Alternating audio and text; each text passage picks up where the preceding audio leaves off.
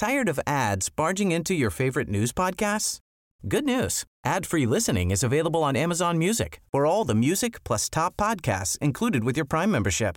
Stay up to date on everything newsworthy by downloading the Amazon Music app for free or go to amazon.com slash news ad free. That's amazon.com slash news ad free to catch up on the latest episodes without the ads. Trent Alexander-Arnold tror på en repetisjon av Barcelona-kampen, og Liverpool tar seg god tid hjem fra Madrid. Her er pausepraten tirsdag 14. mars ved Mari Lunde. Liverpool begynner forberedelsene til onsdagens kamp mot Real Madrid. Spanjolene har et godt grep om oppgjøret etter deres 5-2-seier på Anfield, og Liverpool må kanskje håpe på et lite mirakel for å klare å snu det i Madrid. Spillerne skal trene på AXA Training Center i Kirby i dag klokken 13.20 norsk tid. En treningsøkt som kan følges på klubbens sosiale medier. Etter treningsøkten vil de sette seg på flyet sørover. Jørgen Klopps pressekonferanse vil holdes klokken 20.00 i kveld, og som vanlig vil en spiller være med på den. Vanligvis vil et bortelag komme til byen de skal spille i dagen før kamp og gjennomføre treningen på stadion der kampen spilles, men Liverpool gjør det altså annerledes. I tillegg vil ikke Liverpool haste tilbake til Mercyside når kampen er ferdig, slik de vanligvis ville ha gjort. De flyr i stedet tilbake på torsdag. Liverpool har nemlig kampfri til helgen, da Fulham, som de skulle ha møtt i en ligakamp, skal spille FA-cup. Derfor har ikke de røde det travelt med å reise hjem igjen. Det er tyskeren Felix Weyer som skal dømme morgendagens kamp på Santiago Bernabeu. Han har dømt Liverpool to ganger tidligere, og begge ganger var det Porto som var motstander. I mars 2018 endte det i 0-0 på Anfield, i en kamp hvor Liverpool allerede ledet 5-0 fra første møte i Portugal. I november 2021 vant Liverpool 2-0 på Anfield, det var i gruppespillet. Swayer har også dømt én Real Madrid-kamp, og det var mot Galatasaray i november 2019, der spanjolene vant 6-0 på Bernabeu.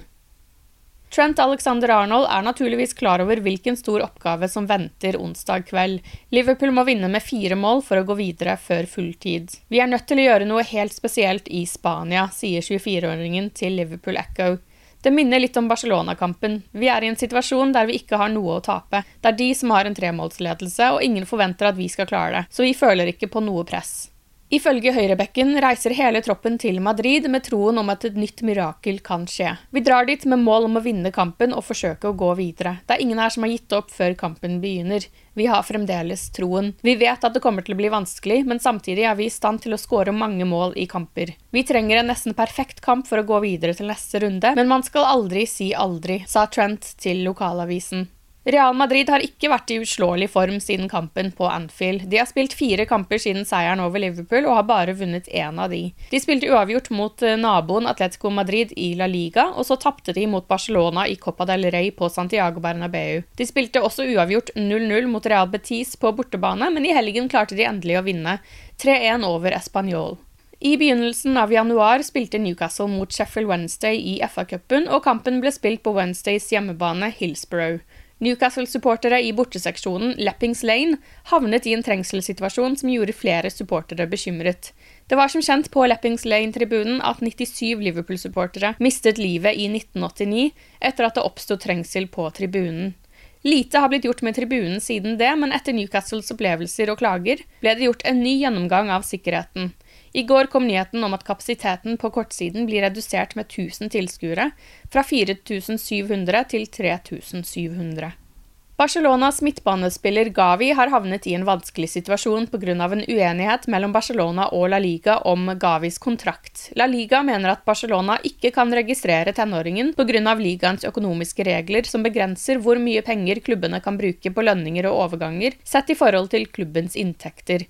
Barcelona er som kjent i en skikkelig økonomisk knipe og har en gjeld på over en milliard euro. Likevel brukte de over en milliard kroner på spillerkjøp sist sommer. Gavi regnes som en av verdens mest talentfulle unge spillere, og dersom hans kontrakt blir kjent ugyldig, så vil han gå tilbake til en ungdomskontrakt og bli tilgjengelig på gratis overgang til sommeren. Både Liverpool og Manchester City skal følge med på situasjonen. Liverpool ønsker å kjøpe to midtbanespillere til sommeren, og Gavi skal stå på listen over interessante transfermål. Saken har havnet i retten i Spania, og klubben vant første runde i januar. Mandag ble den avgjørelsen omgjort. La Liga hevder at Barcelona har mistet en viktig deadline for å føre saken videre, men kilder i Barcelona mener derimot at dokumenter ble levert i tide, og at det er Gavis seniorkontrakt som fortsatt gjelder. Du har lyttet til pausepraten det siste døgnet med Liverpool fra Liverpool supporterklubb Norge. For flere Liverpool-nyheter kan du besøke liverpool.no.